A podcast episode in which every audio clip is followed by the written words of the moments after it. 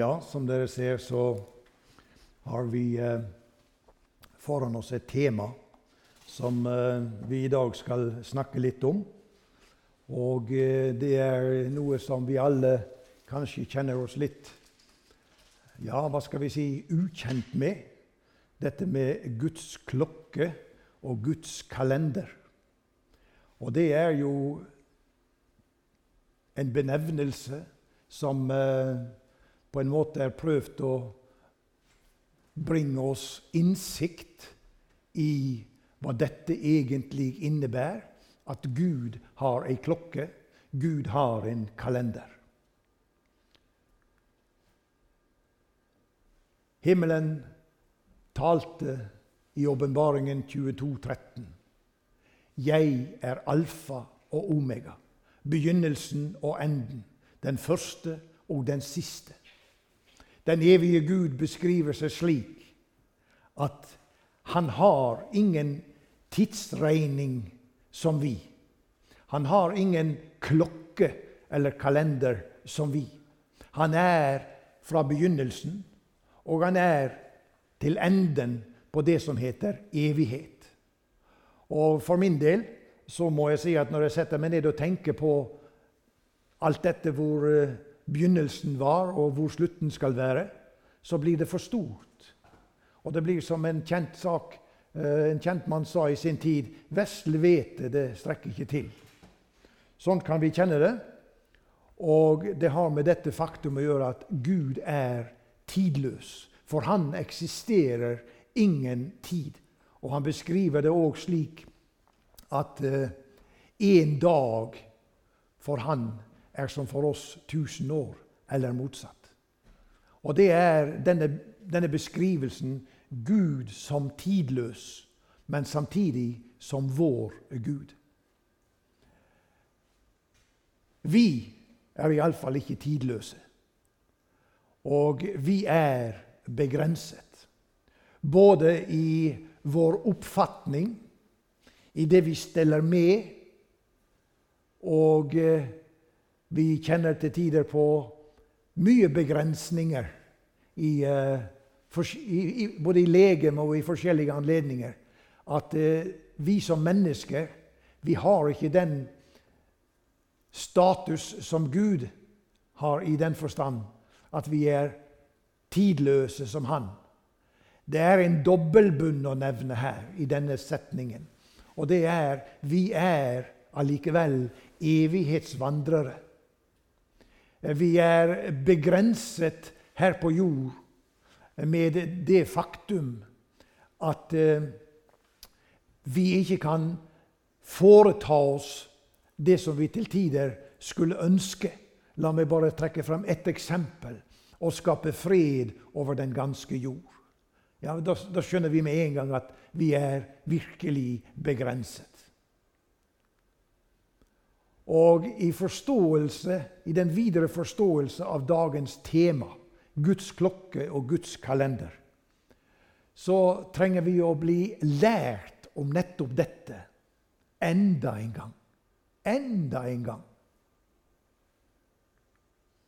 Og ikke bare ved at vi her på en måte legger fram en tekst som vi hadde tenkt å tale over, men vi er helt avhengig av at Den hellige ånd taler i denne teksten som vi skal ha for oss i dag, for å begripe litt om hvordan Gud i sin store nåde har tenkt det for oss som mennesker i denne tid. Uten Den hellige ånds åpenbarelse over dette guddommelige tidsaspektet, så sliter vi big time. Vi gjør virkelig det. Det skal vi komme litt tilbake igjen til. Vi ser det at eh, i denne familien hos kong Akas, som vi finner i 2. kongebok 16, fra vers 2 til 4, der var det en begredelig tilstand. Samtidig som det vokste fram noe svært presiøst, svært verdifullt, veldig stort i denne familien. Og Vi leser i, i, i sammenhengen her at Akas han var 20 år gammel i 2. kongebok 16, 2-4. Han var 20 år gammel da han ble konge, og han regjerte 16 år i Jerusalem. Men han gjorde ikke det som var rett i Herrens, hans Guds, øyne, slik som hans far David. Dette var kort om Akas. Og videre så vandret han på Israels kongers vei.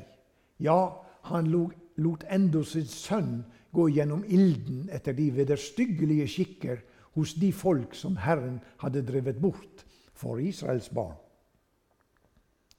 Han ofret og brente røkelse på haugene og bakkene og under hvert grønt tre. Denne kong Akas, som vi finner beskrevet i denne settingen her, han eh, la til rette med sin væremåte, sitt styresett, og bane vei for hedenskapet. Og nå kunne det vært veldig interessant hvis vi hadde hatt tiden på vår side og snakket litt om hva som skjer både i verden og i vårt eget land, hvor det legges til rette for hedenskapet.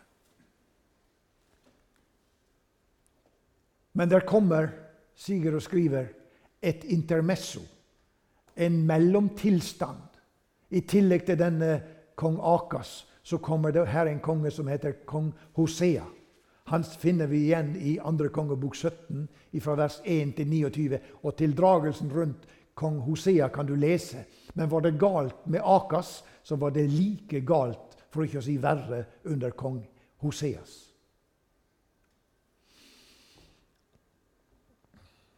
Men her er det, som vi nevnte i sted, at i Akas' familie der vokste det fram en liten gutt som heter Hiskia på moderne språk. Han heter Esekias blant oss gamle. Og det er jo slik som du hører når vi siterer Skriften her, så hører du det at han som står her, han holder seg til 1930-oversettelsen. Og det er jo den man har fått innsikt gjennom i disse hemmeligheter, og det er dette man forholder seg til. Denne kong Esekias i 2. kongebok 18.3 står han beskrevet som at han gjorde hva som var rett i Herrens øyne. Aldeles som hans far David hadde gjort. Han begynte et møysommelig arbeid, som eh, vi leser i 2. kongebok 18.4. Han, han nedla offerhaugene Alt dette som hans far hadde bygd opp. Han sønderslo billedstøttene og hugg astartebildet i stykker og knuste den kobberslangen Moses hadde gjort. For like til den tid hadde Israels barn brent røkelse for den. De kalte den Nehustan.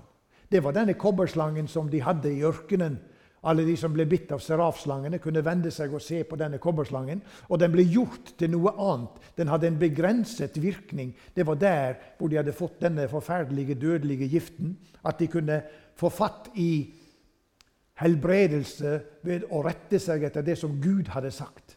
Men de så forbi det som Gud hadde sagt, og så gjorde de denne, denne kobberslangen senere til en avgud for seg og trodde de kunne fremdeles rope på den og, og, og, eller se på den og så bli helbredet for hva det måtte være. Men slik var det ikke. Og de gjorde seg avguder her. Og dette tok kong Esekias når han kom til makten. Så tok han fatt i dette og begynte på en stor prosess. Han, eh, videre i andre krønikerbok 29, 1-11 så står det om han at han lot prestene og levittene hente og samlet dem på den åpne plass mot øst. Og han sa til dem, hør på meg, i levitter. Hellige nu er dere selv, og hellige Herrens er deres fedres Guds hus, og få urenhetene ut av helligdommen. For derfor er Herrens vrede kommet over, kommet over Juda og Jerusalem og han har overgitt dem til mishandling, til ødeleggelse og til spott, således som vi ser det med egne øyne. Og Derfor er våre fedre falt for sverdet, og våre sønner og døtre og hustruer er i fangenskap. Dette var situasjonen som han forkynte, fordi vi som folk er veket av ifra Herrens vei, er dette kommet over oss at vi er i trengsel og i nød. Nå har jeg, sa han, som konge, som representant for den gudsmakt som han hadde fått oppleve i sitt liv, så hadde han i sinne å gjøre en pakt med Herren, Israels Gud, så hans brennende vrede kan vende seg bort fra oss. Så la det nå ikke skorte eder på iver, mine sønner. For eder har Herren utvalgt til å stå for Hans åsyn og tjene ham, til å være Hans tjenere og brenne røkelse for ham. For våre fedre har båret seg troløst ad og gjort hva ondt er i Herren vår Guds øyne, og forlatt ham. De har vendt sitt åsyn bort fra Herrens tabernakel og vendt ham ryggen.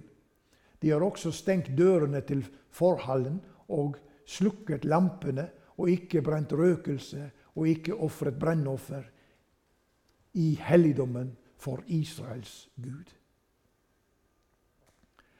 Jeg har veldig sans for det som står skrevet her. Dette som han holder på med, Esekias. Han taler til sitt folk i nød, og han gjeninnførte Guds ordninger i landet. Han brukte lang tid, og det var ikke bare bare å liksom knipse med fingrene for kongen og si at nå må dere slutte med det, og så må dere begynne med det. Det var en stor prosess å få dette i sving, å få, å få startet det i sammenhengen. Og det, det, det, kan lett minne om at hvis du skal prøve å rulle ei stor jernkule, så er det veldig tungt å få begynne på den.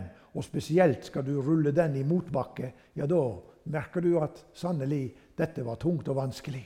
Og slik opplevde nok eh, Esekias situasjonen iblant sitt eget folk.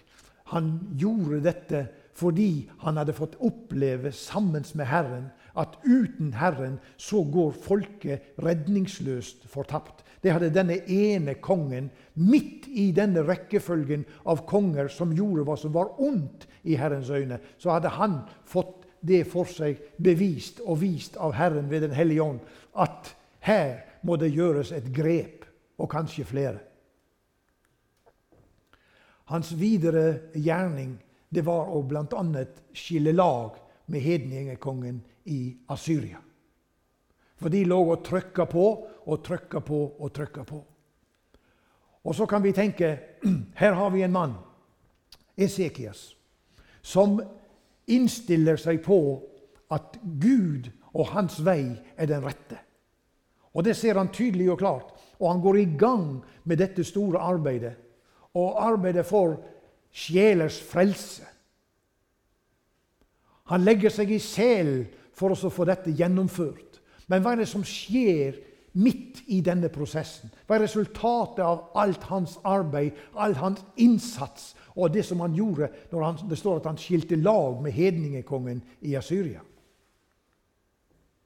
Vi leser videre i 2. kongebok 18. I kong Esekias' 14. år dro kongen i Asyria Sankerib opp mot alle Judas faste byer og inntok dem. Hallo? Vi leser videre. I den situasjonen så kommer Esekias på banen med noe som vi i dag kaller for diplomati. Han prøvde å snakke seg til både fred og fordragelighet. Og det står han sendte, Da sendte Judas konge Esekias bud til den asyriske kongen i Lakis og, og lot si:" Jeg har syndet. Vend tilbake fra meg. Hva du legger på meg, vil jeg bære. Da påla kongen i Asyria, Judas konge Esekias, å betale 300 talenter sølv og 30 talenter gull. Det var en formue. Det var et helt statsbudsjett. Det var ingenting igjen til folket. Alt ga han på diplomatiets alter. Alt det sølv som fantes i Herrens hus og i skattkamrene i kongens hus. Det var hele kassa rett inn til fiendekongen som trykka på. Og Det står videre at ved den leilighet så lot Esekias gullet bryte av dørene på Herrens tempel og av dørstolpene som Esekias, Judas konge, hadde kledd med gull, og gav det til kongen i Asyria. Her var det snakk om å kjøpe seg fred. Her var det snakk om å legge til rette for en, en diplomatisk løsning.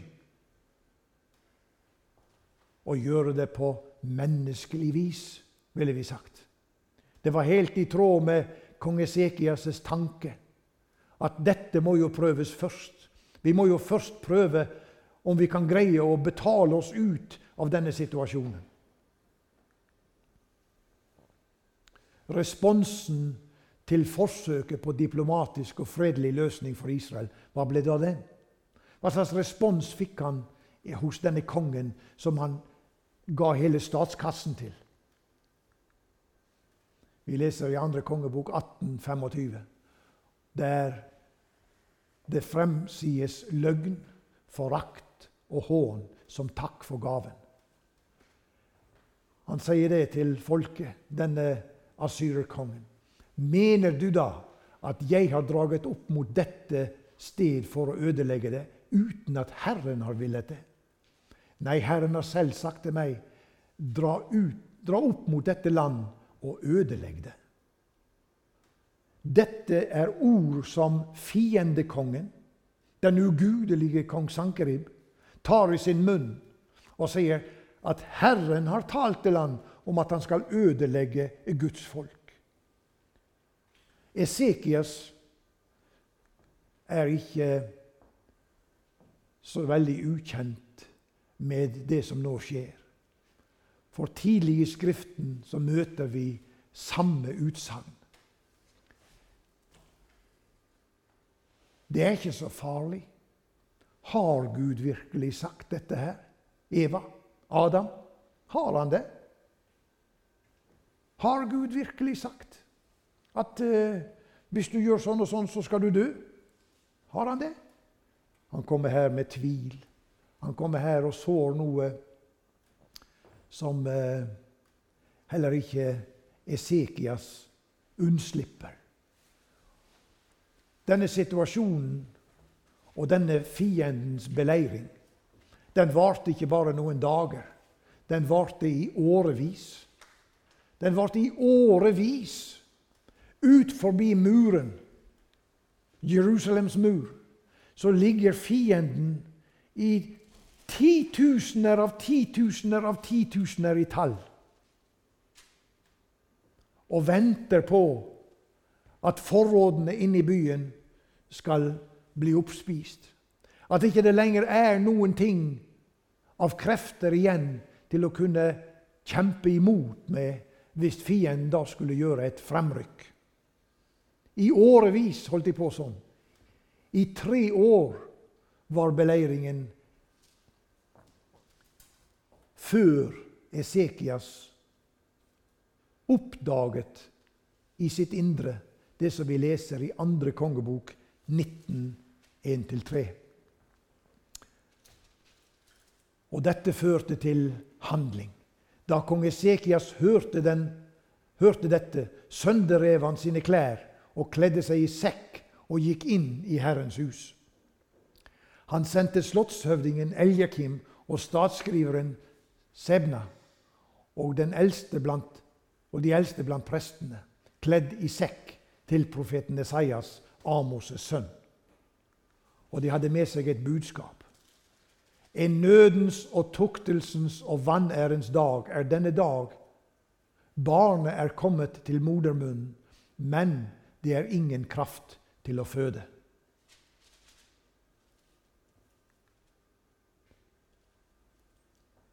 Kanskje Herren din Gud vil høre alt det Rabsaka har sagt. Han som Hans Herre kongen i Asyria har sendt for å håne den levende Gud, så at han straffer ham for de ord Herren din Gud har hørt. Oppsend da en bønn for den levning som enda er igjen. Dette bar de fram for Esaias, profeten. Men resultatet enda mer spott og forakt. De gjorde jo det rette.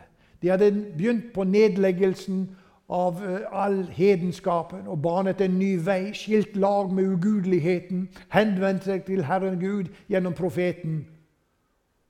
Og så allikevel så hører vi røsten til fienden. La ikke din Gud i andre kongebok 1910. La ikke din Gud, som du setter din lit til, fornarret deg, så du tenker som så. Jerusalem skal ikke gis i asyrerkongens hånd. Esekias hadde hørt profetens budskap, men han lånte også øret til fiendens stemme. Det nytta ikke. Dette som uh, du hører profeten si, det er noe som uh, er veldig teoretisk og svevende. Det er ikke noe som du kan gripe fatt i. Skal du legge hele livet ditt i handa på en sånn type som dette? Hører du dette igjen, du som lever i trengsel, du som lever i situasjoner der du ikke ser lyset, men kun ser mørket, det tunge, det vanskelige? Og om vi kunne få nåde til å ha vårt fokus på Han som sa 'Kom til meg, du som strever og har tungt å bære'. Vi leser videre at Guds klokke og kalender viser nå er tiden for den allmektige Guds inngripen. Det kom en hilsen, et budskap. Og for oss som lever i denne menigheten, så hører vi rett ofte at det kommer et budskap, en hilsen ifra himmelens Gud. Og Her leser vi i 2. kongebok 19, 32-35. Derfor sier Herren så om kongen i Asyria. Han skal ikke komme inn i denne by og ikke skyte en pil inn i den, og han skal ikke rykke frem mot den med skjold og ikke oppkaste vold mot den. Den vei han kommer, skal han vende tilbake, og inn i denne by skal han ikke komme, sier Herren. Så sier Herren. Det hører vi rett ofte her i denne menighet. Ved at de åndelige gaver er til stede og anvendes fordi at himmelen vil gjerne fortelle oss at han som sa dette oppimot en makt som lå utenfor murene der, som var ufattelige mengder med mennesker Flere hundre tusen var de. Han sier, 'Denne byen skal de ikke innta'. Hvorfor det? For Jerusalem er Guds øyensten. Og hva står det om oss, vi som tilhører Herren? vi er også Guds øyensten. Og Derfor så må vi trekke sammen dette, og så må vi si den Gud som talte den gang, han taler likedan i dag. Jeg vil verne denne by og frelse den for min skyld og for min tjener Davids skyld. I begynnelsen på vandringen som nyfrelst så var det vanskelig for meg å gripe fatt i det veldige budskapet om at mine synder var tilgitt. For det sto jo for meg som eh, si, en rødmalt låvevegg full av alskens. Det var, ikke, det var ikke slik at det bare var noen enkle småting, og, og sånt, men det var, det var, så mye som, som, som, som, lå der i bagasjen, og som jeg tenkte jo da, jeg hørte predikanten si 'Alt er forlåtet og glemt, mitt barn'. Du er frelst på nåde, og det er ingenting du kan gjøre fra eller til. Ja, og Jeg syntes å høre de andre ungdommene som var der. De uh, jublet over dette, og spesielt en. Han kunne ikke sitte i ro på et eneste møte. Han måtte opp og si noe om Jesus. Et eller annet vitnet han om et sangvers, et bibelvers, og han uh, var så frimodig. Og jeg tenkte med meg sjøl, hvor i alle land tar du deg fra dette her? Lever du i en annen type virkelighet enn oss andre? Så var det en som sa, en ung predikant som sto der i vekkelsen. Så kom han en dag med en liten gul lapp til meg og så sa han, ta dette her verset, sa han. Og så setter du inn navnet ditt i dette. Og hvis du ser på denne teksten som står her nå Jeg vil verne denne by og frelse den. Her kan du få sette inn ditt navn, og her kan jeg få sette inn mitt navn. Jeg vil verne denne personen som du er, som jeg er. Og, og berge den, frelse den, for min skyld og for min tjener Davids skyld. Det var dette som ble det fremtredende i budskapet til kong Esekias. Og så leser vi videre her at Gud ikke bare kommer med tomme løfter. Men samme natt skjedde det at Herrens engel gikk ut og slo 185 000 mann i asyrernes leir. Og Da folket sto opp om morgenen, fikk de se dem alle ligge der som døde kropper. Og der, der er vi kom til veis ende på denne delen som vi her har for oss. Men så ser vi det at Guds løfter om utfrielse i en situasjon der fienden lå tett som hagl, vil vi si, rundt Guds folk. Og det var ingen teknisk løsning på dette. De hadde prøvd med sølv og gull. De hadde prøvd med samtaler, diplomatiet og alt dette her. Men allikevel så var det for folket at nå skulle de få oppleve en annen side av Gud. Fordi at Guds klokke, om vi skal bruke det begrepet, den var nå kommet dit hen at på hans timeplan i himmelen var det at nå griper jeg inn. Her er mange situasjoner til stede her, i denne forsamling i dag, som har nettopp dette. Når skal du, Gud, gripe inn i min situasjon? Når skal jeg få se at du strekker ut din hånd til frelse for meg og for mitt folk, for min familie, og hjelper meg med de ting som jeg kjemper med, og som jeg har ropt til deg nå i årevis om? Når skal det skje, Gud? Det Bibelen konstaterer, det er faktisk talt at Gud hører. At Gud ser. Og at Gud har kontroll. Vi som sitter her og er her i dag, og de som hører på, skal få vite det at Gud har ikke abdisert. Gud har ikke trådt tilbake og sagt at nå får dere prøve å få dere til dette her så best dere kan. Så skal jeg være med i, i nå og da og passe på dere. Nei, han har sagt jeg skal være med dere alle dager. Og det som vi ser at Gud skriver om her, dette som er innblåst av Den hellige ånd, skrevet av menn, drevet av Den hellige ånd, dette er skrevet oss til lærdom for det at vi skal få vite at den Gud er uforanderlig, som vi ber til her i vår menighet. Når vi møtes her, så er det denne Gud som en dag sendte ut sine engler. Ja, det står enda til i Filemons brev at han sender sine engler ut som tjenende vinder. Ja, og... Eh, da kan vi tenke på at sannelig har Gud en oversikt som ikke vi kommer i nærheten av. Og han vet hva som er ditt og mitt beste. Når han lar oss være oppe i smeltedigelen En smeltedigel det er, et, det er en liten beholder, det. Og oppi den legges det edle metall når det skal smeltes om fra én sak og til en annen. Når det skal støpes noe nytt, så legges dette oppi, og så fyres det på på utsiden. Og så blir det flytende. Så var det en som sa det til sølvsmeden. Når vet du at sølvet er rent, da? For det vil alltid være forurensninger. Nå sa han det slik, denne gamle sølvsmeden.